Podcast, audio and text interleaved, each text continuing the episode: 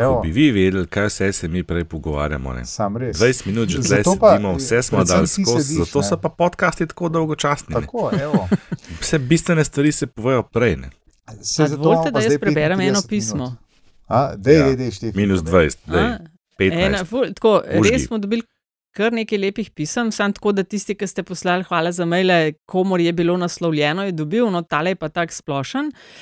Pozdravljeni, v zadnjem podkastu ste omenjali, da mora gospod Pengel Bitenc paziti na količino izrečenih kletvic in celo uvajali piske čez kletvice. Ne vem, kdo je to ali až delo. Ne? Kot navdušena poslušalka vašega podcasta sem mnenja, da je jezik gospoda Pengel Bitenca na povsem ustreznem nivoju, kletvice pa nikakor ne znižajo intelektualnega nivoja, ampak dodajo živost in kažejo na to, da gospod jemlje povedano resno in osebno, kar je redkost. Zato vas lepo prosim, da ne omejujete svobode izražanja. Če imajo posamezne snežinke težave z živim jezikom, gotovo obstaja kak dolgočasen podcast v zborni slovenščini. Hashtag free speech for Pengovski. Ja, ne, se se. Srčka, srčka. Lej, različna mnenja so, ampak to je nekaj, kar se jaz doskrat sprašujem. Seveda, uh, moraš poslušati ljudi, s katerimi delaš, ki te poslušajo, ki so tvoja družba. Ampak dokje, a veš, dokje. To sem jaz vedno, ker, eni rečejo tako, drugič, drugi drugačne. In če skozi nekoga, mislim, moraš svojo linijo imeti. Kakšna je naša linija? Glede preklinjanja.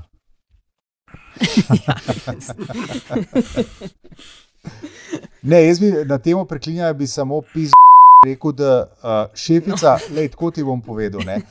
Če bo Pengovski še srl s tem svojim besednjakom, potem bom jaz poslal vse v kup.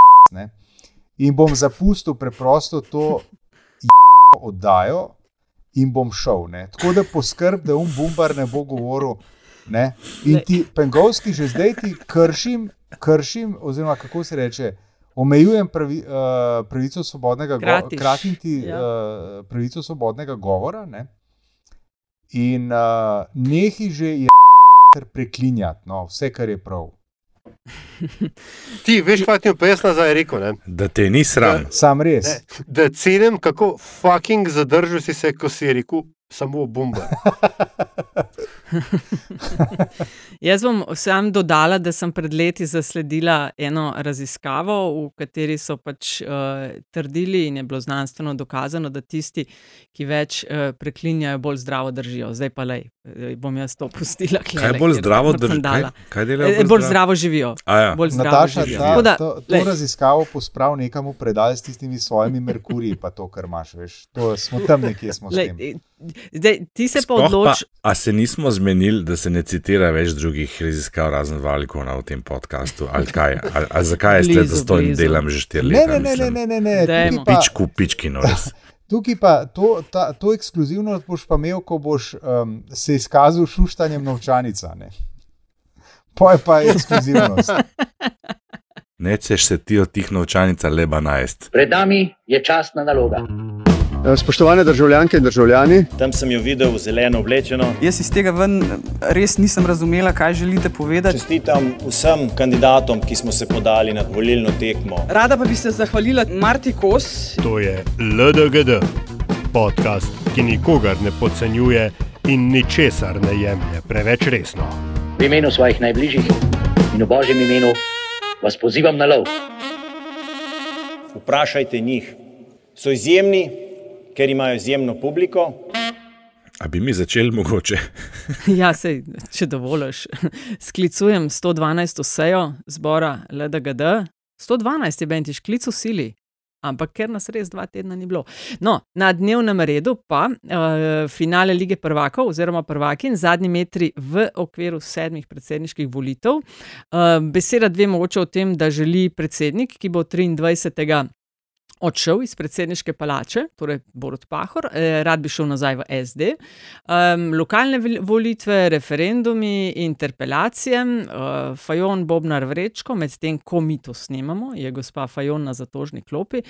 In pa zelo velika novica, ampak o njej več, evo, teaser proti koncu, majčke so. Majčke pa brez zamere, LDGD gre v novo božično, novoletno, ali kako se temu reče, črni petek akcijo. Ampak več o tem uh, v proti koncu. No. Tekstilna divizija LDGD-ja spet deluje. Ja. Tekstilije so. Ja, nač, lej, uh, uradni rezultati, idemo s predsedniško najprej, da s tem hitro končamo. um, uradni rezultati so znani glede tega, koliko nas je glasovalo v prvem krogu in sicer od 1 694 429 voljivcev in voljivk jih je glasovalo, nas je 876 687 oziroma 51,74 odstotna volivna udeležba, nekaj malega je bilo neveljavnih glasovnic, slabih 5000, se pravi nič cela 53 odstotka. Po udeležbi so bile te predsedniške volitve na petem mestu, vsekakor bolje kot zadnji dve. Zdaj pa me zanima, Andraš Antiša, Te zadnje ankete kažejo na zmago Nataše Pirc. Musar, kdo se vam zdi, da je bolje izkoristil zadnje minute, oziroma na kaj boste vidva pozorna v nedeljo? Um, ne samo zadnje, vse ankete, v bistvu že več čas, celo une pred prvim krogom, ki so bile res eh, manj relevantne, glede na to, da vemo, da se v drugem krogu dinamika spremeni, da se motivacija eh, voljivcev spremeni, oziroma da drugačne sile delujejo. Eh, ves čas je Nataša Pirc musel v prednosti pred Logarem, tako da jaz ne pričakujem večjega presenečenja v nedeljo, kar pa bom pozoren, bom pa predvsem na udeležbo. Ta me pa res zanima. Um, namreč v večini primerov predsedniških volitev, razen se mi zdi 2007, popravi me, če se motim, Štefi. Um, kaj je bilo 2-7? Um, ja, da, so, da, so bili v, da je bila v drugem krogu deležba višja kot v prvem, da v vse, vseh ostalih Ja, primerih je bilo 2,7 pa obratno. Ja, Samo takrat, ko 2,7 je se bil povečala, ja. ne, tako ja. odstotek, tako se. Ja, Peterle je bil uh, izjemno sposoben motivator leve sredine. Se spomnim, takrat so v prvem krogu so bili zelo zmerni in tako naprej, ne, so si prikazovali, ko zdaj pa imamo končno enega zmernega kandidata z desne, zelo zmernega, spremljivega kandidata z desne, takrat še ni bilo treba zmernosti govoriti, ker ni bil nihče radikaliziran do te mere, kot je danes SDS. Um, a veš, potem, ko je pa nastopil drugi krog, ko so pa zmagali, ne, v prvem so dobili pa vetra v jadra in, in poleteli na. na, na na zmaju kulturnega boja in dal vse od sebe, da se je leva sredina mobilizirala in Turka zvolila s tako večino, kakršno je. Ne. Tega, po mojem, zdaj ne bo, no. tako da jaz pa zelo pozoren, jaz se na to deležbo, ki me res zanima. Jaz mis- mislim, da bo ne pet točk nižja, kot je bila v uh, prvem krogu. Karkoli nad to bo pa za mene v bistvu presenečenje, moram priznati. Aha, praviš okrog 6,47, Tam nekje. ja. tam nekje. Cool, Antiš, Ja, eh, tisto, kar se mi pozoren? zdi, uh, ne, jaz bi za nazaj mogoče še omenil. Tisto, kar se mi zdi, je um, to, da je uh, Anžel Logar me spominja tako na unga, a veste, uh, uh, maratonca z jeklenim obrazom ali kako kamnitim obrazom, ki samo šiba in se ne ustavlja uh, uh, in samo. Goni tisto, kar počne v bistvu že zdaj le koliko, en mesec, mesec pa pol. Ne? Se pravi, on, Oh, tri. uh, no, ja, on je več, bil ja. med zgodnjimi. Ja, tako, Tako da, tako da on, on uh, se pravi, on prodaja to svojo podobo uh, zmernega uh, uh, človeka, ki je nagnjen k, k komunikaciji, neizključevalnosti in tako naprej. Ne? Um, mm, tako da mi bo zanimivo opazovati, se pravi, danes je četrtek, uh, še dva dneva sta, ko lahko kandidatka in kandidat nagovarjata uh, volivce, če morda v, dne, v zadnjih dveh dneh pride do kakršnega koli uh, preloma, oziroma tako bom rekel, pospeška. Ne? Z njegove strani, um, v kar sicer dvomim, ne? v kar sicer dvomim, mi bo pa zanimivo opazovati. Hočeš reči, uh, da imate še dva dni, da lahko zajebete kampanjo? Uh, ja, no, dobro, zdaj to bi bilo. To Dve bi bil pa ne. To bi bil pa epski dosežek. Ne? One dva vse čas, one dva vse čas na vseh, po, uh, mislim, to mi je zelo zanimivo. Ne? One dva, na, kar sem gledal, pa vendarle nisem tako zelo malo gledal, ne? se mi zdi, da sporočilo njuno je naslednje. Mi dva sva v bistvu prijatelja, ne? pa dobro se razumeva, pa spoštujeva en drugega. Ampak, ko prideva pa pred kamere, sva pa neusmiljena, sva pa neusmiljena uh, nasprotnika. Ne? Sta tako recimo kot uh, Aco Petrovič, pa Dražen Petrovič, ko sta igrala v nasprotnih ekipah, pa sta bila sicer brata, ne? ampak tam sta se pa lomila. Ne? In tukaj te dva dajeta, se mi zdi podoben, uh, podoben vtis. Kar kar- je na nek način ni, mogoče uh, ja, sej, uh, vprosti, samo še to, kar ja. se mi zdi dobro. Ne? Zato, ker um, jaz si v bistvu ne želim živeti v okolju, kjer so politični nasprotniki tudi ljudje, ki se med seboj ne zmorejo pogovarjati. Ne? Uh, tako da to se mi zdi dost, dost fin napredek v slovenski politični kulturi, če je seveda kolikor toliko iskren. No, sej to sem hotel reči, ne, ker me v bistvu to spominja na um, dobre stare čase, tako prav nenavaden feeling. Ne, uh, imam zdaj, ko to praviš. Uh, nekoč namreč sta bila Tone Andrlič in Jože Rovšek znana po tem, da sta se lahko v parlamentu dajala na mrtve, ne, čez, uh, uh, skozi govornico, potem sta šla pa v opera bar na pir, ki je bilo konc. Uh, in mi je to v bistvu tako nenavaden občutek, da ja, se res to je nekoč bilo normalno, in zdaj se zdi spet skoraj nek tak privid normalnosti, in v bistvu je to čisten čuden feeling normalnosti. Ne. Kar lahko samo pozdravimo. Ne? Ja, ampak kot je v bistvu, um, poleg um, prekomerne uporabe besede normalnost, uh, imam jaz vendarle pač par resnih vprašanj uh, tudi za vaju. Uh, konkretno, Andraš, udeležba. Ne, a, je, a obstaja nivo, kjer bi bila udeležba lahko dovolj nizka, da bi to pomembno vplivalo na izid? Ja. Čeprav zdaj le med tem, kar ste tole govorili, seveda, seveda zelo koncentrirano poslušal, sem tudi vmes prebral novico, da je udeležba na predčasnem glasovanju tokrat više kot pred prvim krogom. Mm -hmm. No, tudi to sem hotel vprašati. In ja. to za kar debelih 28 odstotkov, ne, se pravi skoraj za eno tretjino več. Ne. Takrat je bilo, piše tukaj 2,67 odstotka, zdaj le teh dveh dneh 3,43. To bi pa utegnilo nakazovati določeno mobilizacijo ali pa. Mm, Jaz vedno podarjam, da smo zadnji čas, zadnje leta smo se navadili, da smo usvojili to predčasno ja, glasovanje, ja. to je tudi res. Ampak nekako ne vidim pravega razloga, zakaj bi pred tremi tedni bila ta udeležba nižja. Ali pa, kaj pa je ta vikend, me je prešilno, ta vikend je Martinova. Ne? Pa zdaj ne govorim o tem, da bodo vsi po gostilnah. Uh, mislim, da je to en tak uh, praznik, ki se ga tudi marsikatera družina poslužuje z družinskimi obiski in tako naprej. In čist možno, da so se določeni voljivci odločili, da ne bodo tvegali svoje deležbe oziroma deležbe na družinskem kosilu ali kjerkoli že za Martinovo in so šli prečasno voliti. Tako da po mojem mnenju je ta porast bolj posledica tega, da je ta vikend Martinovo, kot pa kakšne dodatne mobilizacije. Jaz ne pričakujem, da bi bila ta deležba tokrat višja, kot je bila v prvem krogu, kvečemu nekoliko nižja. A veš, zakaj mogoče? Zaradi te dosti glasne kampanje v okviru referendumov in tukaj zelo dobro delo svoje dela uh, 8. marec. Uh, Misliš, da to vpliva na to, da je da, zdaj že skupaj z napadom, ta, mm -hmm, skupaj z napadom mm -hmm. da so mogoče spomnili, kje, do kje smo bili do aprila. Mogoče, Možno, no, to sem razmišljal. No, to, ja, sej Ja, sem to pa pomeni, da bo to pomeni, da udeležba više od 50. Ne? Mm. Kaj tudi pa? to je očitno možno. Ja. In, in drugo, ne, podredno vprašanje. Um, Po vajni ali pa po oceni v streh, ki števico vedno tako zanemarjamo. Prosti, ali jaš moram pa odgovoriti na vprašanje, ja. tudi, če smo ja. uh, korektni. No, uh, kje je ta meja? Moja ocena je bila, da je uh, Aljaš, Aljaš Anžel Logar sposoben prijeti do nekje 350 tisoč plus minus. Ne, kar bo nad tem, bo, bo, bo pomenilo, da je kar konkretno posegel izven kroga standardnih voljivcev SDS-a in NSA-ja. Kaj bi bilo potem, bi bilo pa v bistvu razočaranje. Zato, ker zelo preprosto čum pokaže, da 290 iz prvega kroga ti bi morali priti vsi. Um, približno 30 tisoč cigler kraljevih. Ti... 38 je imel on. No, ampak ne bojo si prišli. Uh, pa pa še nekih 20-30 tisoč zraven takih, ki pa jih v prvem krogu ni bilo, ker so pač predsedali, da ne bo zmagovalca in se jim zdelo za malo hoditi na volišče.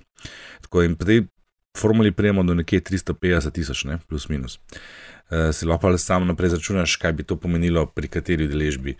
Uh, bi bil otegnil polno zmage.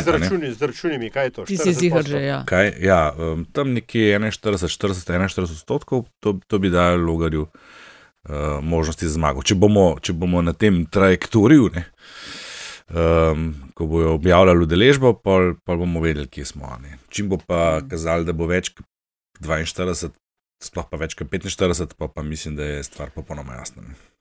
No, in za... zdaj vprašaj, Štefica, ampak vprašanje ja, za, za vas tri, ker tebe tako vedno ignoriram in pomoč, kle sama se usiljevati svoje mnenje. In, in, ne, noben te nikoli ne vpraša. Ja. Razen, ko je govorila o Vladimirju Prebeliču.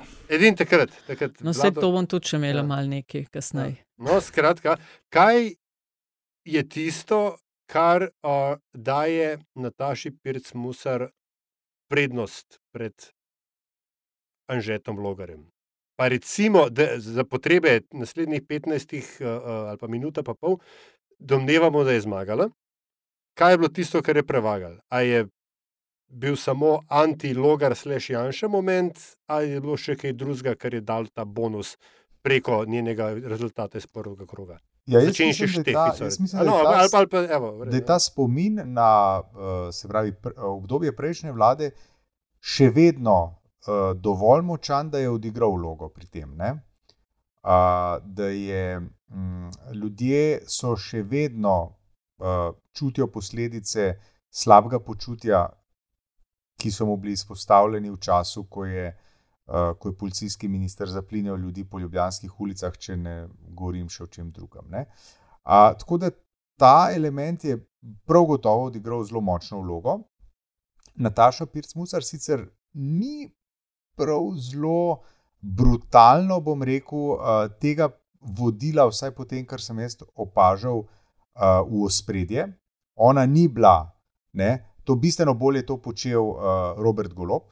Ne. On je bil tisti, ki je rekel, da ne bomo dovolili, da to nas bo peljalo nazaj v mračne čase, ali kako je že bila uh, formulacija. Um, tako da jaz mislim, da je to odigral zelo, zelo, zelo močno vlogo, bi mogoče celo rekel, ključno vlogo pri, uh, pri tem. Ker na drugi strani, ker na drugi strani pa, kot smo tudi večkrat povedali, uh, Anžel Logar je naredil vse, da se distancira. Mislim pa, on se je distanciral od samega sebe, me razumete? Ne? In zdaj Mhm. uh, on, on je res, res zelo dosledno in tudi s tistim ka- kamnitim poker faceom, ne, je, uh, to ni moje. A veste, to, s tem jaz nimam nič. Jaz sem Anže, tamle, ki kandidiram in sem Faced Fund. Ne. To je bilo njegovo sporočilo zadnjih nekaj mesecev. In um, mm, to je bilo mogoče včasih uh, kar groteskno, groteskno gledati, kako, kako, ali pa kako sprenevedavo je to bilo, no, pravzaprav, kar je počel. Grotez. Ampak, a, je, a veš, to, to sprenevedanje pa ni omejeno samo na to njegovo poreklo, odkot prihaja. Ne? Ta njegov, nisem ja odavde. Zdaj sem zasledil prispevek o neki gospodični ali gospe, ne vem, um, ki ne bi bila zaposlena v njegovem kabinetu. Uh, um, Ki je bila, ne Oziroma, ki bi je, bila. ja, tako je, ki je bila, ja, hvala. In se pojavlja, posnetke so kazali, da je vedno nekje ne par metrov stran na njegovih javnih nastopih, in potem se je tudi spet malo sprenevedal tam, da gre za uh, sodelovko, kolegico, ki tam pomaga v prostem času, tako rekoč, brezplačno, kot prostovoljka. Ne? Mislim, a veš, Mhm. ti se je bilo tu zelo sprene- sprenevedalo. Sprenevedavo. Spre, ne, Ja. sprenevedavo, sprenevedavo. Ja, sej, ampak Ne. sej, o njemu drugega ni preostalo. ne. A Veste, če si vi predstavljate, da bi on vso to, vsta nahrbtnik, moral uh, medijsko učinkovito, se pravi, relativno v kratkem času na televiziji in uh, dovolj jasno. Id pojasnjevati, jaz mislim, da bi se zaplezal in bi bilo nesmiselno. Tako da uh, v tem smislu je odigral v redu. Ne? On je rekel: Lejte, jaz sem jaz, jaz kandidiram, vi si pa mislite, kar si hočete. Tako nekako je bil njegov tekst skozi celotno uh, volilno kampanjo. Ker v bistvu mu drugega ni preostalo. On je moral to narediti tako, da ni pretirano pojasnjeval. Ker če bi, bi se nujno zaplezal.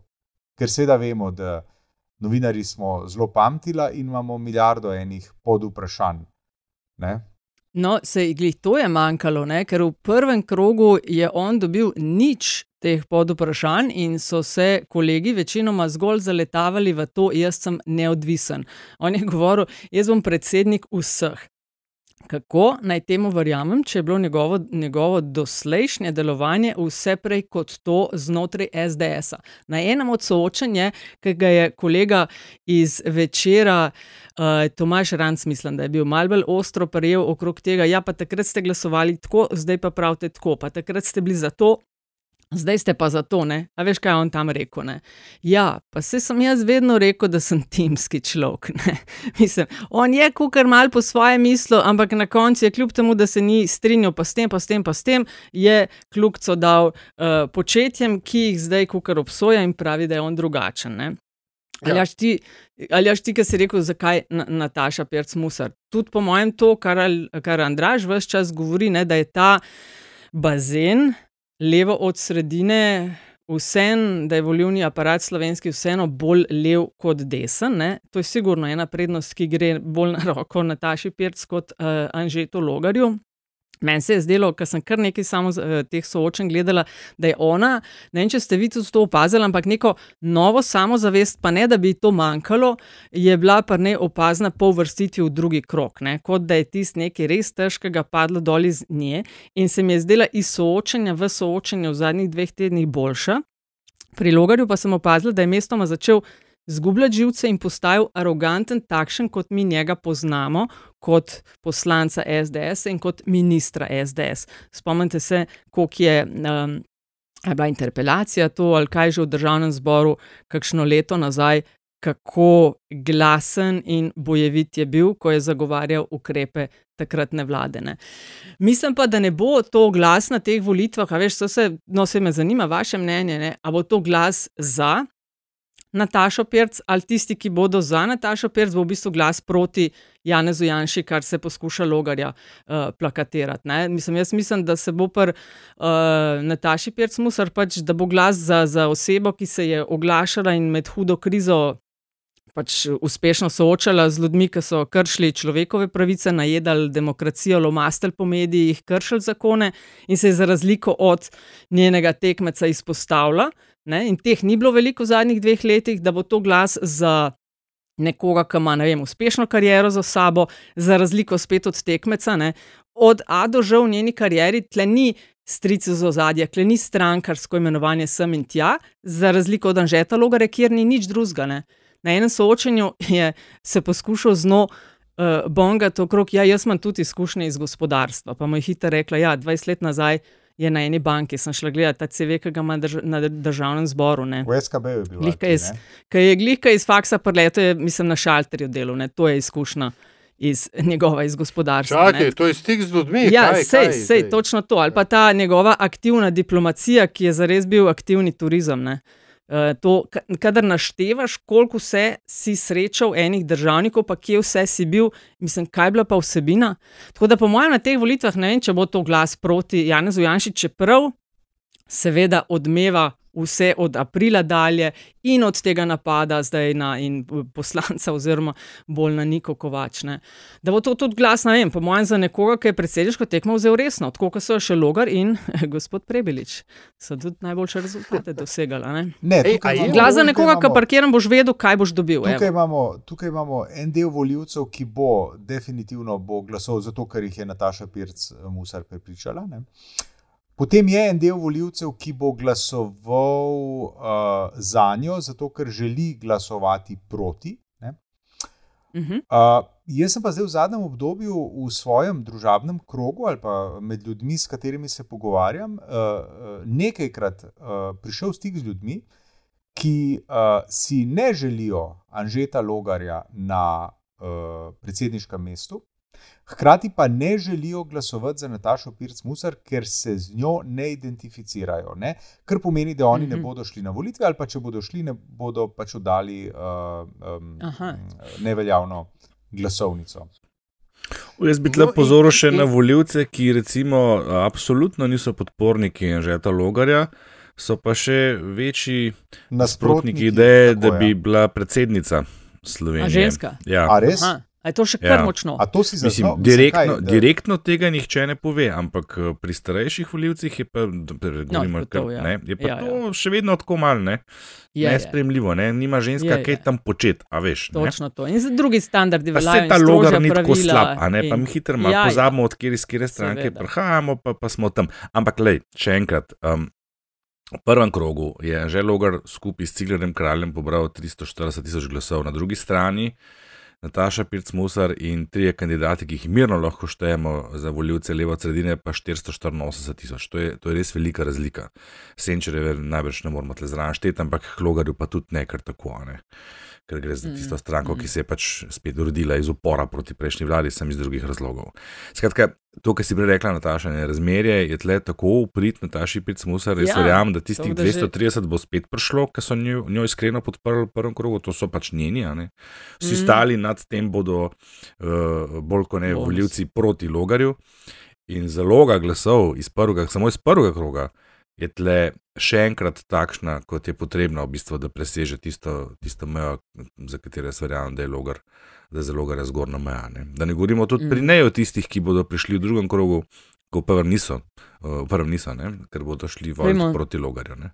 Ampak, ker smo, ke smo že pri anekdotičnih um, podatkih, ne, kako že množina od anekdote niso podatki, ampak vendarle. Uh, tudi jaz poznam ljudi, ki so konkretno recimo glasovali za Vladimirja Prebeliča, da ga omenimo, izpolnimo kvoto. Uh, in ki ne bodo šli na drugi krok, ravno iz vseh, iz e, enega od razlogov, ki, ki ste jih vi trije tukaj, tukaj eh, našteli. ne. A, tako da ta, ta del vendarle pač zna biti zanimiv. Hkrati me pa zanima, kaj vi mislite o naslednji ideji, da je glas za Natašo Pircmusar v smislu organskega glasu za, ne, v resnici tudi v veliki meri glas proti desetim letom Boruta Pahorja.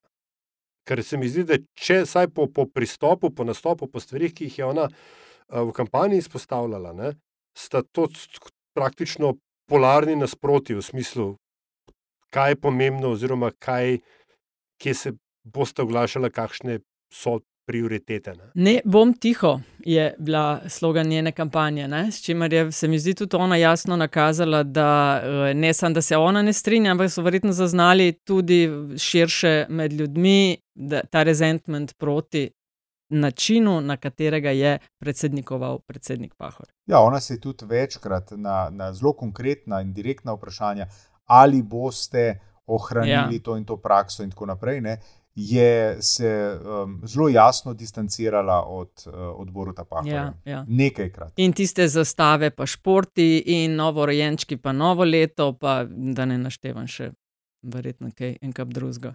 Uh, a gremo naprej, da bomo še obdelali. Se pravi, pozorni bomo malo na udeležbo, kaj bo na delež glasov, ki jih bo ali pa ne bo dobil logar, da vidimo, koliko je segal preko teh uh, ljudi, ki so sicer uh, voljivci SDS-a in NSI-ja.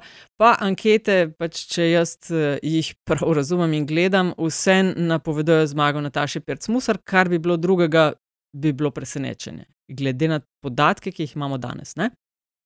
Andraš, je. Absolutno. Okay. Um, druga tema. Um, Pahor, gospod predsednik, ki bo 23. zaključil svoj mandat, bi se Čakaj, da je rad. natančna, 23. decembra. To je, Ja, sej, sej. A mislim, ja, nisem, ok, 23. Ne, decembra, ker ja, vsak dan kleje muka, a veš, tako da dajmo ne, ne zbujati lažnega upanja. Čeprav je govoril drugače, da bo mal politiko on hold dal, oziroma da ne več to, pa ni govoril o stranki, pa vemo, da so se testirali tereni za kakšno službo v tujini, očitno uh, kruha tam ni in bi se rad vrnil v stranko. Zdaj pa moje vprašanje vsem vam je, če bi bil ti Tanja Fajon, ali bi ga vzel in če ja, kaj bi mu dal delati? Antiša. Ja, Tanja Fajon, Tanja Fajon, kot vemo, je na nek način, ne, če smemo tako reči, uh, moralna dolžnica Borutu Pahorja. Bo- Borut Pahor je bil uh, njena vstopnica takrat v politiko in skozi leta je postala predsednica stranke in zunanja ministrica. Zdaj, zdaj koliko taka dolgovanja uh, oziroma dolgovi v slovenski politiki štejejo, tega ne vem in si tudi ne upam, ne upam uh, soditi. Um, tisto, kar se mi zdi. Dej, ti tisto- fajon, ne, ti bo fajon. Vmes sta se razšla, vmes en on govoril neke druge stvari, kot ti, ali bi ga ti vzel. Ma nimam pojma, res ne vem. Ne, ne res ne vem. Mislim, da sem tako daleč od politike, resno. Ampak uh, jaz bi tukaj samo ena stvar mi ni jasna. Ne? A je bilo rečeno, da želi priti v stranko kot aktiven član, ali samo želi se nazaj upisati v Rekel stranko, je- v kateri je bil zadnjih uh, Ja. 35 let. Ne? Rekel je, da ne bo preveč aktiven. No. Vemo pa, da mi se zdaj člani lahko skozi. Ja. Ja. Kaj pa rabi prositi Ja. ja. za članstvo v, v stranki, če ne bi kaj tudi delati hotel. Ja. Uh, Po drugi strani je pa Borut Pahor, veste, Borut Pahor je blagovna znamka, ki je edini, edini to stranko popeljal na, na, na oblast. Ne? To stranko je volil uh. -huh. 15 let, ta stranka je v bolj ali manj konstantnem upadu. Ne? Uh, uh, po- po tistem, ko je Borut Pahor tudi neslavno zaključil svoj premijerski mandat. Tako da on je ena deviza, ki pač se je v preteklosti za to stranko izkazala kot uh, nekaj pozitivnega. Ne? Ali jaš ti si nekaj hotel? Ja, no, eh, glede Tanja Fajon in dolžnice Boruto Pahorju, ne, bi vendarle opozoril na eh, epizodo pet let potem, ne, eh, ko, je, ko je Igor Lukšič se hotel neceremonialno znebiti. O, ja. Ne, in je ona z, pač na svojo devizo, kot si rekel, na svojo valuto, bila z preferenčnimi glasovi iz nekaj drugega, tretjega Tako. mesta izvoljena direktno v Bruselj kot edina, v, v Evropski parlament kot edina takratna a, a, evropska poslanka iz vrst SD. Tako da kakršno koli se mi zdi dolg, ki ga je ona morda imela do nekdanjih vodstev stranke, je ona davno poplačala. Ne? Um, in in mim grede, to, da se zdaj Lukšič v kakršni koli vlogi pojavlja pri komentiranju ja. vračanja Borota Pahorja, je ja. podn od podna. ne. Ja, ja. Ampak, um, kar se pa tiče vprašanja, ali bi ne, jaz kot Tanja Fajon vzela, No, vzela Tanja, a Boruta bi? Pahorja, ne, ja, bi in bi ga dala v, voditi partijsko celico v jebeni šoštanski rudnik, oziroma kaj, velenski rudnik, ne, ker tam noter je zgodba Boruta Pahorja, ki se ni nikoli zaključila, njegova vloga pri T6. Ne, in če bo on član stranke, potem je to prva naloga vodstva stranke, da se v stranki, da, da se to razčisti do konca in da v stranki potegnejo ustrezne mere, kot se je temu včasih rekel, ker jih do zdaj niso mogli, ker je Borut Pahor imel zamrzano članstvo. Ne. Hmm. Sicer pa, ne, Andraž, ker, ja. ker, se, prost, ker se pa to seveda ne bo zgodilo, ne, mu pa lahko samo gladko pokaže vrata in ga pošlje na Trstanjakovo, ki v resnici po marsikakšnem merilu bolj spada tja, kot na Levstikovo. No, to sem jih hotel reči, Andraž. Zdaj, različni odzivi so bili na to njegovo, rad bi se vrnil, z leve, da kdo pa misli, da je in koliko je v njem še socialdemokrata, z desne pa, predvsem tiste tudi, ki že leta navija za to idejo o veliki koaliciji SD-SDS, pa kako bi ga bilo treba prec in takoj pozdraviti z odprtimi rokami. Ti si Tanja, evo, vprašanje je na mizi, kaj narediš. Ne vem, prav ne vem. Moram priznati, da sem ta, pa ta del malo manj spremljal zadnje čase, pa tudi nisem več razmišljal o tem. Tako da karkoli bom zdaj rekel, sem zdaj le zmislil, direkt. Uh, jaz bi rekel ne hvala.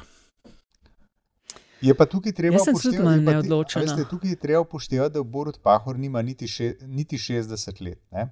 Se to je pa tudi problem ima- teh naših v politiki, ki so zelo da mladi on- na zelo visoke jaz mislim, da funkcije. ima on po tamalem še njih pet let do penzije. Ne? Če smo, zelo, če Mhm. smo tako, zelo, zelo, zelo pragmatični. Ne? Mhm. Uh, in ta vek, ta vek more, more človek preživeti. ne.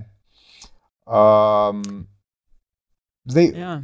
meni se zdi po svoje. Ne, Skratka, ti bi mu dal nekaj, ne, ne, ne. da dela šljaka, Ne, ne, ne, pa da ima čakaj, na mesec. Ne, ne, ne, ne, ne. Mislim, kaj bi jaz, kaj bi jaz, na, ne, ne, ne, a veste, kaj bi jaz naredil z bivšimi predsedniki? Mislim, da sem to že večkrat povedal in tudi No, napisal. to smo, ne. ja, to se strinjam. Uh, mislim, tako, ne, tako. jaz mislim, da vsak bivši predsednik si zasluži do, uh, Do smrtno. uh, ne do smrtno, ampak neko, Jaz mero, mislim, da neko ja. mero spoštovanja in neko funkcijo, uh, pač, na, kateri, na kateri je bivši predsednik in pač.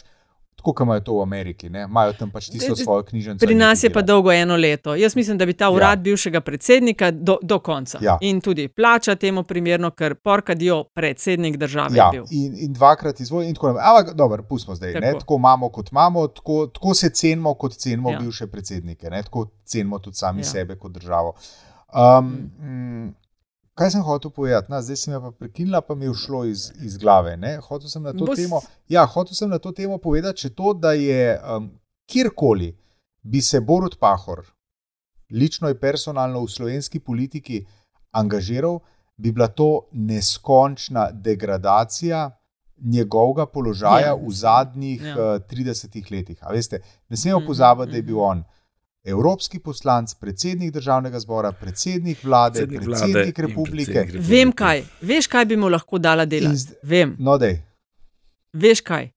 Zunanja ministrica je. Slovenija se poteguje za članstvo v varnostnem svetu. Ne?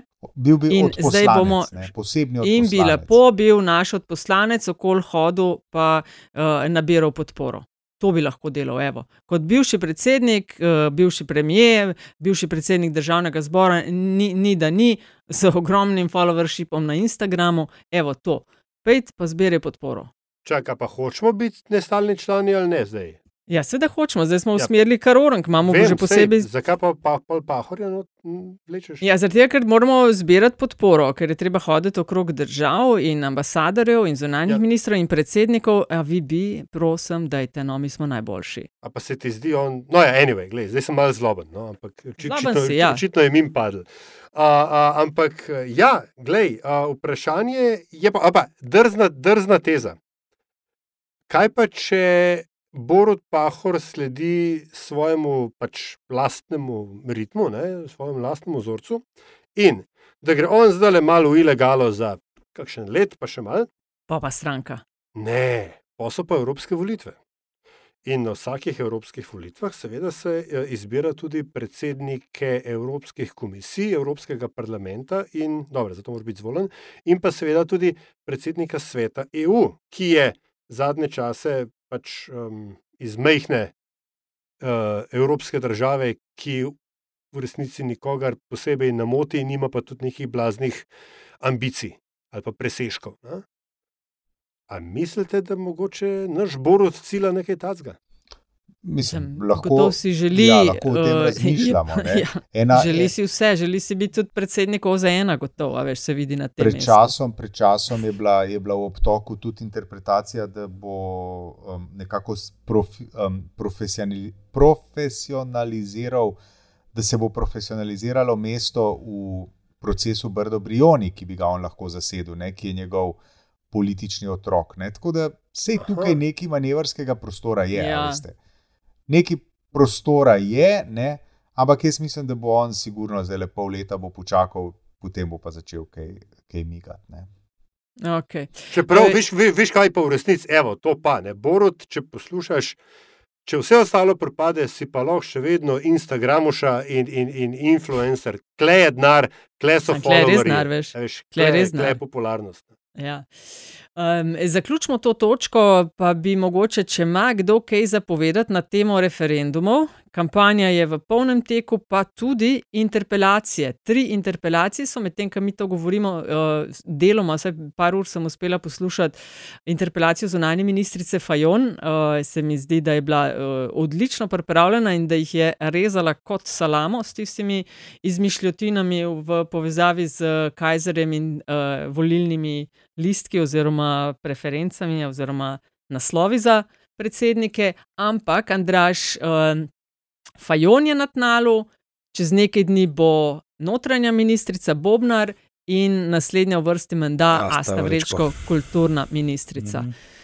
Um, a s- koliko ima to veze s tem, kar delajo gospe, kot ima vezo s nabijanjem v kontekstu referendumov in volitev, predsedniških pa lokalnih? Pa ne samo referendum, volitev nasploh. Ne. To smo se pogovarjali v času Janše vlade, da opozicija takratna ne zna uporabljati tega instituta tako, kot ga zdajšnja opozicija zna uporabljati. Uh, s tem nekim konstantnim izkoriščanjem tega instituta za pridobivanje medijske pozornosti in, in kratenje uh, časa eh, ministricam. V tem primeru zanimivo, vse vrst, ki si jih naštela, so ženske. Um, Drugač pa pogledano z druge strani, včeraj smo objavili raziskavo Gledala Slovenije v zaupanju v institucije. Um, ministrica lahko pokaže sam to. Se mi, se, se mi je kar fajn zdel, ker so se še na ministrstvu za notranje zadeve pohvalili z rezultatom na Twitterju. Njim je ful Da zraslo, smo ne pa mo modri z modrim, je rekel kolega Bategel. um, ja, mislim, vrnilo se, je- vrnilo se je nazaj, ker se, mislim, res se vidi, da hoj se res naredil ogromno škodo, kar se tiče zaupanja v policijo v tistem času ministrovanja. In očitno ta ministrica dela dobro, ne, če je to zaupanje povrnjeno. E, tako da ne vem, kakšen drug razlog bi pa še lopil, seveda vemo, ampak ja. Um, zanimivo mi je to, kako za neke take stvari, a veš. Uh, Mislim, res tako zgleda, da izkoristijo čisto vsako priložnost, ne, čisto vsako neko, neko stvar, da, da začnejo v interpelaciji govoriti, z neomahati in na polno koncu tudi dejansko uh, speljati. Ampak, ne, če sem že govoril o zaupanju, zaupanje v stranke opozicije je uh, to, po menjavi oblasti močno padlo. Uh, Ta zgor razkoraka mi še nismo do, doživeli, to je bilo res prelomno tokrat. Uh, mislim, da vsi ti rezultati kažejo, da je ta nek odpor, zdaj ne več upor. Ne? Če smo rekli, da so bile aprilske volitve v, v, v mnogo čem upor proti prejšnji vladi, pa lahko zdaj govorimo še naprej o odporu do strank, ki so tvorile prejšnjo vlado. Ta, ta momentum pa še živi, še je prisoten, kaže se tako v tej raziskavi, ki sem jo prej omenil. Uh, res uh, pozivam, da si pogledate na spletni strani naše objavljene. Uh, kot, kot na to, da da se bodo ljudje tudi eh, teh volitev, ki pridejo zdaj le v nedeljo, in referendumov udeležili, tudi zato, ker še vedno ta trenutek odpora, tokrat ne več upora, še vedno živine. -huh. uh, Ali ja, še eno ja, no, vprašanje? Hotel sem to reči, da, da takšne poteze ne, prispevajo k še večjemu odporu no, do teh. Da, veš, da vsako tako potezo spomnijo na sebe v negativnem smislu. Ne. Tako kot z vsakič, ko se Janša oglasi, se logarju tisti uh, števec mal ustav podpore. Recimo, ja. Uh, ali je eno vprašanje, ko govorimo ravno o interpelacijah, sem pomislila, a je kakšna omejitev? Mislim, seveda se mi zdi odlično, da to ta institut je na voljo, ampak je kakšna omejitev v smislu števila, veš, ker bi se mi zdelo pa smiselno, da je tako kot, ne vem, pri tenisu, ko imajo igralci, a veš, tam, kjer imajo video pregled, a je žogca bila noter ali ne, imajo neko omejeno število, ne moš na vsako žogco, ki je sporna, ampak imajo, ne vem, 5-10 na set ali kaj za en kok, ne, ali podobno pri odbojki. A je tudi pri uh, omejitve kakšne pri teh interpelacijah, ker to je lahko štanca na štanco, ne, če bi se pa omejili, v redu, imaš vsaka stranka, ne vem, tri na mandat ali kaj takega, ker se včasih tudi zlorablja. Um, tako, short answer omejitev ni. ne. Uh, long answer omejitev v resnici ne sme biti. Um, jaz sem velik fan interpelacije in sploh vsega parlamentarnega postopka uh, iz dveh razlogov. Prvič zato, ker je vladi, pa pustimo razloge, ampak vladi je vedno treba gledati pod prste. Če imaš ta privilegij, da imaš pri tem celo prav, toliko bolje. Ne? Ampak zadnja stvar, ki jo kdorkoli hoče, je, da se ob, pač ob, oblast, ki je na oblasti, ne, da se opcija, ki je na oblasti, pač mečken usmrdi in postane arogantna. To smo v zadnjih dveh letih v bistvu presenetljivo hitro se jim je to zgodilo. Ne? Uh, uh, in, so, in so začeli delati uh, neumnosti, ki se jih ni dal več prekriti z uh, uh, epidemijo, s, te, s tem izgovorom. Uh, skratka, po drugi strani so pa interpelacije, uh, čeprav je seveda res to, da interpelacije porušijo ustaljen ritem konkretnega ministrstva in, in ministro, ministričine, ministrove ožje ekipe, so pa hkrati tudi eh, prednost, eh, priložnost za en tak showcasing. Ker koliko od vas je vedel, da je bila Tanja Fajon prva slovenska zunanja ministrica, ki je bila pri uh, slovenski skupnosti v Argentini in uh, Urugvaju v zadnjih 15 letih. Jaz tega recimo nisem vedel. Ne? Ja, veš, pameten minister, pametna ministrica uporabi interpelacijo za to, da Čakaj, pove, oprosti, kaj Aljaž. vse. Ja? Še enkrat. A hočeš reči, da noben slovenski zunani minister ni bil v Argentini oziroma v Latinski Ameriki? To je rekla na Pri, pri, pri slovenski skupnosti v Argentini ali Urugvaju. ne. To je, lej, to je rekla. To je rekla, to je rekla na interpelaciji. Mislim, če to drži, to mene totalno preseneča, glede na ulogo, ki jo ima Argentina v Pa pri bližnji- kakšni drugi vladi, ne? bližnji, Ja. uh, bližnji uh, preteklosti slovenski. Ne? To pa me res preseneča. Tako. In kdo je vse od tam prišel? Ne? Od tam je prišel en, uh, en, en predsednik vlade in en načkov in metropolit sta od tam prišla. Zato me to Tako. zelo čudi. Ja, no. ne, ne, se, se, lej, se strinjam. Ne? Uh, je pa seveda tudi res, da se je Slovenija v zadnjih 10 plus let, do, 10 plus let dobesedno ukvarjala zgolj sama sabo. Ne? Skratka, rečeš interpelacije, ja, nujne, no meni se zdi tudi em, to, da se jih eh, lahko zlorablja nekaj, o čemer bi bilo treba razmisliti v kontekstu, Mislim, koliko, kdaj in Ne, tukaj, tukaj, tukaj se močno ne strinjam. Ravno okay. Iz naslova, ki, ki je Andraš rekel, tisti, ki zlorablja interpelacije, več pove o sebi, kot o tistem, ki ga interpelira. Ne? In zdaj, če bi pa a, po drugi strani, recimo, danes interpeliramo Tanja Fajon, pač vse skupaj je brez veze, hočemo neke politične točke, jutri ali pa čez en teden, pa ne vem, se Tanja Fajon pojavi a, a, sred rdečega trga in a, maha za zastavicami Viva Putin, kaj boš pa zdaj naredil? A zdaj pa boš rekel, ja, pokurili smo kvoto interpelacije, zdaj pa ne moramo več. Ne? No, vse to. Ja, ne, ne, pač enostavno, ra, ne, raboš jih. No, tukaj, tukaj se ne sme, teh okay, stvari se ne sme. Postavimo piko. Um, želimo o lokalnih volitvah. Je to točko dnevnega reda? Ima kdo kaj zapovedati, ali jo pustimo za naslednji teden, da ujamemo vlak? A? Bo še priložnost. Ja, no, naslednji teden. Pa, pa, Naslednji pa, teden bo pa konc. Ja. Ja, res. Ja. Kar se mi zdi, Andraž, da imaš nekaj ne, zapovedati. resnici me zanima, a se vam zdi, da so malo v zadje potisnjene v, v tem primeru ali ne? Ker to pa je, pa veš, vsi me zadnji čas me novinarji sprašujejo predvsem tem, kako bo uh, ta, ta uh, gostota volitev v naslednjih nedeljah vplivala na udeležbo, ne, bomo zmatrani, a imamo kondicijo in taka, taka vprašanja. Um, ampak, a se meni se zdi pa drugo pomembno vprašanje, ne, a se vam zdi, da je to potisnjeno v ozadje, a veš, da, pač, da je toliko pozornosti namenjene predsedniškim volitvam, da so lokalne nekako v zadju. Je ne, če bi poti- ne je bilo zdaj predsedniških. ozadje. a ne, Je, Ja. ne, Je, je, ne. je, je. In pa, Pa a še veš, pa referendumi. bo ostal en teden samo. Ne? Referendumi se mi zdi, da so določene inicijative bolj glasne, da tudi So. preglasijo lokalne, da so lokalne zdaj res nekje tako Mhm. na stranskem tiru. No. Tako, jaz kot prestolničar to pač tako vidim. no. Ja, je pa res, Ja. je pa res Andraš ne, in uh, ostala dva udeleženca. Uh, je pa res, da za to ne dobiš prave slike, če gledaš nacionalne medije. Treba je gledati regionalne. Je. Treba je tako, gledati večer, tako. treba je gledati primorske novice, gorenski glas, dolenski list uh, in tako naprej. Mhm. Mm In tam se dogaja. Pomorski vestnik, uh, radijske postaje lokalne, uh, TV Maribor, TV Koper Kapodistria, Radio Koper, Radio Maribor, tam je slika povsem druga. Sam, Tako. seveda, Mhm. uh, prestolničari tega ne poslušate.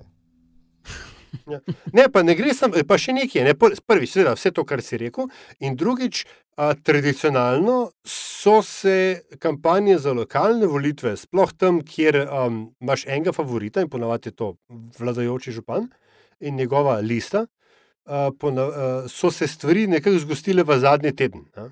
A, Spet, vedno znova se vračamo na problem financiranja kampanje. Veš, kot je za predsedniške volitve se je vse dogajalo zadnje dva tedna, tako se za, državne, za lokalne volitve vse dogaja v zadnjem tednu, ker kaj pa češ še povedati, na, kol, na, kol, na koliko načinov še lahko v Ljubljani rečeš, da, tri- da rabiš nove pločnike, pa nove, nove kolesarske steze. Ne? Um, ja, jaz mislim, no, ker smo že klepr kampanji za lokalne volitve, da si Kočuje zasluži biti mestna občina. To bi sam rada dodala. Bullshit! No. ne, Um, ne, pa Škofja Loka tudi. Pa kočevje, neki bo. Ne. Pa Škofja Loka tudi, ki tudi z, je že izrazila to željo. No, Tako da to sta saj, vsaj saj, dve. To pa, pa, Odkar kaj, je pa, pa, kaj krško še? postalo mestna Tako, občina, a ne? tako. Kle je problem, kle je problem. Tako da vsaj dve prestolnici lokalni imamo, kle, ki bi si to zaslužili. Veš, kaj, jaz se strinjam, jaz se strinjam, če Ljubljana potem postane svobodna pokrajina v okviru uh, Slovenske republike. Se, a, a zdaj ni. A Ja, bi zdaj samo samo mestno- okoli. Zdaj, zdaj sam mestna občina, pa pa rabimo, če bo pa toliko mestnih občin, da bo vse skupaj postalo brez veze, ne? what's the point anyway, rabimo pa pol pokrajine in potem Ljubljano kot, kot posebno pokrajino. Mm. Prav, postavimo piko na i lokalnim volitvam, se pravi 13. novembra so. Ne? A boste šli Ne, vi ne, napred? ne, niso, 20 so. A, pardon, 20. 13. je drugi krok predsedniških, ja. 27. pa referendumi. Uh, a ste vi prečasni sorte ljudje ali uh, redna sorta? Ja, jaz sem na, po spletu okoliščin sem glasoval obakrat predčasno na predsedniških. Aha. Draž ti si pa Jaz na zadnji pa dan narejen? Ne, mislim, ja, do zdaj bil, ampak sem pa na zadnje šel, pa, te v prvem krogu sem šel pa, sem šel pa prvič uh, na gospodarsko razstavišče in ta dogodek mi bo Omnija. zavedno ustal. Je to omnija? Ne vem. A Ja, niso Omni- na gospodarcu Omnija? Ja, Ne, ne, ne, sem Ne, šel ne, tega. ne, pač ne, ne, o- ne, ne, Ljubljana Omni je ne, nekaj ne. drugega. Ah, pozabljaš, jaz sem prestolničar, Nataša.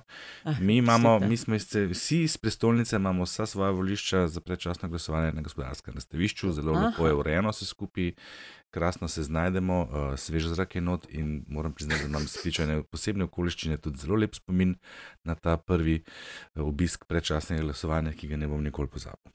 Jer je Ti, ožiljak. Aljaš si pa pošta, ne? Ja, ja, jaz sem pa jaz sem tip glasovanja po pošti, zdaj Mhm. tudi že nekaj let. In moram na tej točki pohvaliti DVK, uh, ker so uh, tudi za predsedniške to uredili zelo lično, pregledno in enostavno. Uh, pa tudi za uh, glasovanje na referendumih, za kar pa ne me sicer za jezik zdaj vleče, ampak mislim, da ni bilo do zdaj vedno možno glasovati po pošti na referendumih. Nisem Aha. pa pripričan. Ja. No, jaz sem pa prvih 15 let ali pa polovico svojega volilnega udejstvovanja um, bila nedeljska, zdaj sem pa že kar olala let na predčasnih. Ker kaj pa, če se kaj zgodi, pa jaz v nedeljo ne bi uspela jeti. Tako grem pa vedno. To je pa tako, prav tudi nobene debate okrog tega. Um, in nas to pripelje do politbizarke. Naj povem, da je zmagovalec desetega kroga Aljaš s predlogom Primc Teme kandidira za župana Ljubljane. Tako kar zajetna zmaga. To je bilo kar presenečenje, priznam, ker ste bili ostali, ste imeli, po mojem, Močno bilo, ampak je. Primc kar dober kandidat bil. Tako da čestitka Aljaš in ker si zmagal, imaš uh, priložnost, da prvi poveš, kdo je tvoja politbizarka v novem krogu. Moja politbizarka, hvala, hvala. Moja politbizarka je uh, dolgoletni fan uh, tega podcasta in uh, overall um, fenomen Marko Bandeli, uh, ki v, je prepričal na, v to, da na njegovi županovi listi v občini Komen, kamor se hoče vrniti kot župan, uh, da kandidira uh, interni štos uh, LDGD-ja Herta Kosmina. Uh, in to se mi zdi tako, glede na to, kako velikokrat smo mi, Herto Kosmina, tukaj v raznih š- zabavljivih kontekstih uh, omenjali, in to, da je Bandeli vsaj ne, na začetku, ko je bil še član opozicije, je kar redno menda poslušal tale podcast in to, to dvoje skupaj. Se mi zdi, da spet nekje narekujemo en trend, in to, to se mi zdi tako dobra. Pandeli. Antiša, ti imaš eno tudi eh, tako zahtevno. Ja, jaz pa bom kandidiral bom novo rundo izbrisanih. Ne. Ministrstvo za zdravje je po spletu okoliščin uh, izbrisalo približno 6000 ljudi oziroma napotnic, uh, s katerimi so si ljudje želeli um, obiska pri specialistu. To se mi zdi tako, še kar dosežek, sploh v luči uh, dejstva, da je bila prednostna naloga sedanje vlade, ko je prevzemala oblast, da bomo uredili uh, zdravstveni sistem, naslovili bomo zdravstveni sistem in ga uredili. Tanja Fajon je obljubljala, da bomo uh, v enem mesecu prišli do specialista, no zdaj se tukaj lahko samo popraskamo za ušesom in si rečemo, hm, hm, kaj bo pa zdaj. Ne? Ta stvar je tragična, uh, je pa tudi bizarna v kontekstu, ki sem ga opisal. In uh, uh, zdaj v zadnjem obdobju sem zasledil, da se rado Stalina citira. Ne? Stalin je menda rekel tudi: uh, problem je človek, ne? ni človeka, ni problema. Se pravi, če ni v čakalni listi, če ni na čakalni, v čakalni vrsti za specialista človeka, ki bi to potrdil svojo napotnico, ne, pol nimamo problema. In za, naenkrat smo mi skrajšali za 6000 čakajočih čakalne vrste v slovenskem zdravstvu. Če to ni uspeh, minister Bešič Loredan, svaka čast. Dobro greste po Stalinovih stopinjah. Izbrisani. Andraš, tvoj favorit pa? Za politbizarko je pa imenovanje golobove poročne priče za namesto vodjenja HSE, ne zato, ker bi imel kaj proti njemu ali pa da bi menil, da je nekompetenten, ampak ne, eh, Antiševih pet minut. A si predstavljate, kako bi to izgledalo, če bi se to zgodilo v času Janševe vlade in bi Janševa poročna priča postala eh, šef HSE-ja. Sam za sekundo, dve si probejte predstavljati, kako bi to izgledalo v medijih in kako Točno ni to. izgledalo zdaj. Se zdaj ni nič bilo, ne? se A se je kdo kaj- Visokim o- o- obrvim Ja. in zgražanju. Res, čak, eh, ni bilo noč, ne? jaz tudi nisem nič zasledila, Nič. kakšnega horuka. ne. Nič. To ne moš verjeti. Nikome ništa. Še dobro, da te imamo, še dobro, da imamo polit bizar, ko je Bentiš, ja, da je bilo kam ja, ja, A zadati ne, to. a ne? Jaz sem Ja, tudi kar ful. ponosen na to idejo. Na polit bizarki, mislim, ne na to, na ta današnji predlog. Ja, ja. Ta, ta je dobra. E, Jaz sem pa do zadnjega oklevala, imela sem na lagerju ta foto Hojvik. Če se spomnite, sam je mogoče že daleč stran, ki je poslanec Hojvik eh, fotografiral eh, kompjuter ali eh, mizo od eh, poslanke Levice, ampak je mogoče že daleč stran. Pol sem imela tole tega Antiša, vašega lokalnega eh, matadorja, Hitro kandidata za. Ja, srečko, spidi srečko, ki se je posnel buksel z avtom, neregistriranim. In vo, sej, samo prijava, kot je napisal nekdani poslanec Kek, Franci Kek.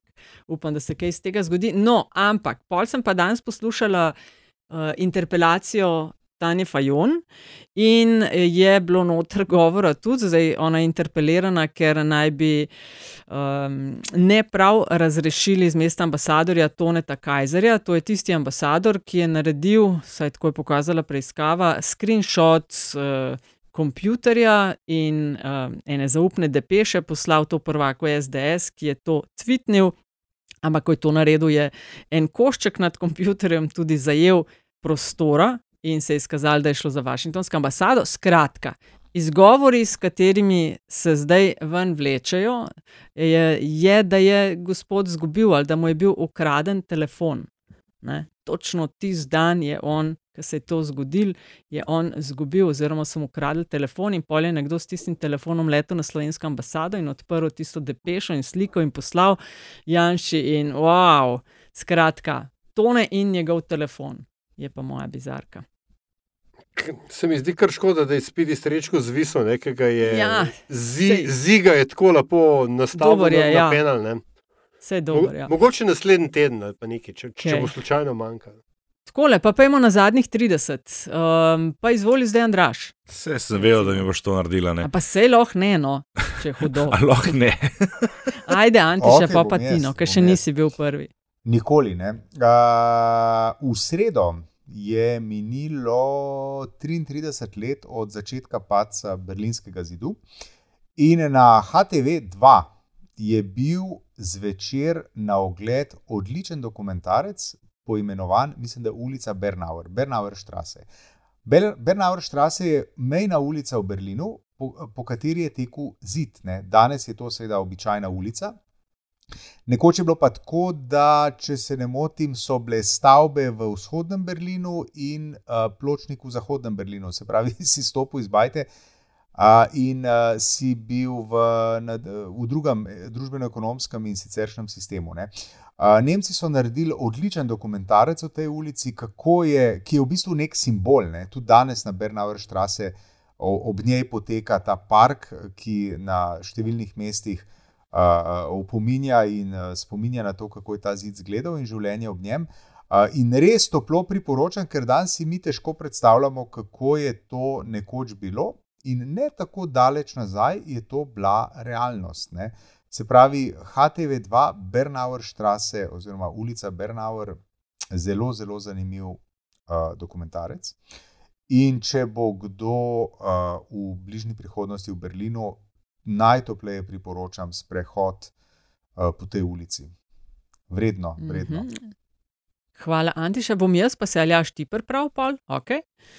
Um, jaz sem pa prejšnji vikend preživela v družbi najnovejše knjige, uh, autobiografije Ivane Džilas, gledališke režiserke in pisateljice. Verjetno se spomnite njenega romana Hiša, imenitno branje. Ona je tudi publicistka, v mladini objavlja uh, kolumne med drugim. No, in čez nekaj dni pri založbi Goga izide njena knjiga A si lahko vsaj enkrat tiho. Um, na X sem jo prebrala, zanimiva uh, zgodba, duhovit preplet njenih življenjskih zgodb in tudi tega, zakaj je treba biti, in v teh časih smo, zakaj je treba biti aktiven državljan oziroma državljanka. In jo citiram, kar je noter pisala med drugim. Nekatere stvari je preprosto treba narediti, ker je tako prav in ker jih nihče ne bo naredil namesto nas. V času sprememb ne moreš biti apolitičen v nobenem času, pravzaprav, kaj sploh pomeni apolitičen, razen tega, da puščaš odločanje močnejšemu. Ivana Džilas, a si lahko vsaj enkrat tiho, 15. v sredo bo v klubu Cankarevega doma tudi predstavitev knjige, če koga zanima, na strani od založbe Goga pa več informacij. Toliko od mene, Aljaš, izvoli. No, zdaj sem pa jaz. Um, na ključe je hotelo, da se moram zdaj navezati um, in na Antišo, in na priporočila kulturnih produkcij. Skratka, in pač uh, ostaleno smo danes že govorili, oziroma smo ga samo omenjali. Je, mi je pa tako najeslo, da sem pred kakšnim tednom končno, po petih letih, odkar so ga uh, objavili, oziroma um, pač sproducirali in dal v obtok, videl film uh, The Death of Stalin, uh, režiserja Armanda Janučija, škotskega režiserja Armanda Janučija, uh, z pač briljantno igralsko zasedbo, um, Steve Buscemi kot Nikita Hruščev, Jason Isaacs kot uh, Georgij Žukov in uh, Michael Palin kot Vjačeslav Molotov, med drugim. Uh, čas uh, v dnevih in tednih takoj po Stalinovi smrti, stvar je fucking briljanta. Če, niste, če, ste ve, če ste videli, potem veste, če pa niste videli, morate pa nujno videti, ker je hudo. Andraš, si Ja. prav misli. Ja, ja, vse sem bil pripravljen že prej. Um, jaz sem pa hotel omeniti en sadež, ki mi je prišel pod roke. Mislim, lahko mi rečete, da živim v jami. Jaz sem ga prvič na njega naletel in sicer gre za bergamot. Ne vem, če poznate. Um, ja, to je en citrus, uh, za katerega, to se mi zdi zelo zanimivo, ni povsem znano, kako je nastal. Zelo prepričani so, da je nastal s križanjem, ne vedo pa, oziroma ni dokazal, uh, kako res. Eh, Zelo zanimiv citrus, eh, jaz sem ga zadnjič užival skupaj z bezgovim sokom in je šel krasno, se, krasno sta se ujela, drugače se pa iz njega dela parfume, tudi pa take stvari. V glavnem, eh, zelo zanimiv sadež, če imate kakšno potrebo po odkrivanju novih citrusov izven dometa pomaranča, limona, mandarina. Priporočam bergamot in še PS, ne zamenjavati tega z bergamotko. Bergamotka je pa namreč vrsta hruške. Tako. Poglej ti to. Zgleda pa tako, Z kot lepimi tisti psi, pozdravi vidim. osebi, ki mi je bergamot predstavila. Aha, Izgleda pa tako, kot tisti psi na gubanju, a ne? Je tako malo. A niso eni tako malo veš kaj, kožo tako. jaz, ko sem ga prvič v roko poril, ne.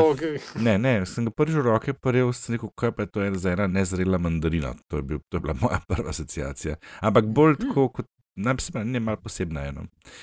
Uh, priporočam, priporočam. Cool, hvala lepa. Eh, No, to je bilo zadnjih 30 in pa polit bizarka, in pridemo do zaključne teme v LDGD majčke. Um, od poletja dalje smo se menili, da nekaj rabimo, tudi letos, tako kot lani. Uh, lani smo imeli dve sorti napisov na majčkah LDGD tekstilije. Um, uživajte, dokler lahko, in pa brez zamere. In tale slednji zapis smo tokrat ohranili, in na voljo so majčke v beli barvi, krasne. Uh, obljubite, gospodje, da se boste pofotkali v njih, ko, ko jih dobite. Seveda. Da, da čistko, malo ima nekaj, pač influencersko, da se malo postavite, ne vem, plavate ali drva sekate ali V, ma, v znam, kaj majici bom, neki. bomo plavali, sigurno. Ampak ja, ja, ja obljubimo, obljubimo. Tako da, da je to obljubite, da, da bodo ljudje videli, kako in kaj izgledajo. Meni se zdi, da so velikosti uh, približno takšne kot tiste lani, če je kdo lani naročil, sicer pa uh, v zameno za donacijo podkastu LDGD v višini 25 evrov vam podarimo eno majčko, za 40 evrov pa kar dve. In pismo ne znam to prodajati, Andraš, ti si boljši v prodajanju. Kaj, kaj? Ti, Ja, ti dejte znaš nam to bolje. Dar, denar na mizo, da je Denar na mizo, kaj ne tle? gremo samo na večerjo, tudi spiti moramo Nekaj, nekaj. neki no. mencet, Pa za piknik zdaj že pa- zbiramo. Ja. Pa za piknik, za Dajte dan mladosti, se upravičujemo. Nimamo več sponzorja, da je cash. Ja, tako. Tako, res lepe majčke, napis je Ne, pa oblikoval. reče, to, to, seveda, da, da ne bo kakšne zadrege, ne mislim, da pomote, jaz sem se šalil, seveda ne, absolutno. Bi pa rad povedal, kakšen je efekt teh majčk v praksi. Ne. No, da je to. Dva je. lepa primera imam.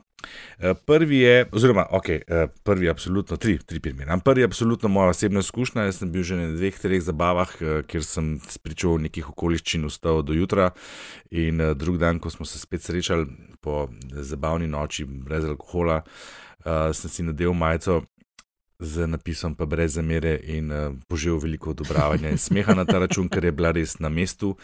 Tudi kdo drug je rekel, bi pa tudi rabo tole danes. In uh, je bilo kar naenkrat kar nekaj popraševanja po njej.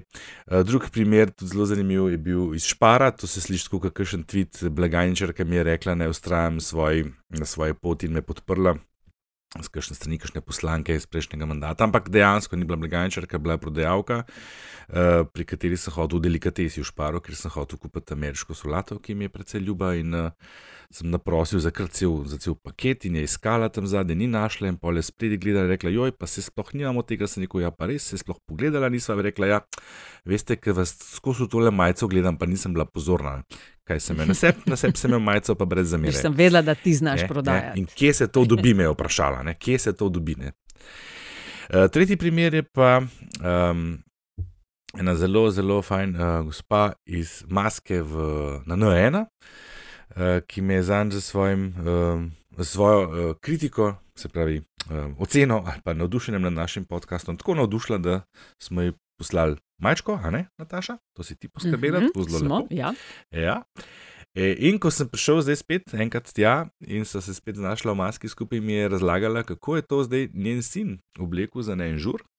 In to se zdaj lepo krog zaokroži, ne? drugo jutro je paradiral po, po placu tega žura, kjer je bil z napisom pa brez zamere in spet so ga vsi sprašvali, kje je dobil to mačko. da, Jaz priporočam, kupite, Lej, ne- dokler so še, dokler so še, kupite. Res, ker ne bodo to veliko, Saj to ni toliko denarja, veste. Saj to Ne, ni sej to toliko ni, da majčke kupujete, to podprete pravzaprav ustvarjanje LDGD, ja. Ja. pa vam podarimo to. Zdaj bodo tele uh, možje, kaj so uh, Miklauš, Božič. Pankraci, servaci, pa bonifaci. Tako ne. In bojo, uh, bo smo- primerno darilo. Bele ženski. Zelo dobro. Ja. Ženska, moška, od S do XXL, vse informacije bodo na spletki in vaše so lahko že zelo kmalo. A ja, še to. Najprej bojo seveda pa dobili, čakamo rezultate predsedniških volitev in tisti, ki so najbližje. Um, ki bodo najbližje uganili rezultat, oziroma zmagovalca ali zmagovalko. Tako. Tako da vi ste prvi na vrsti. In s tem postavljam piko tokratni oddaji.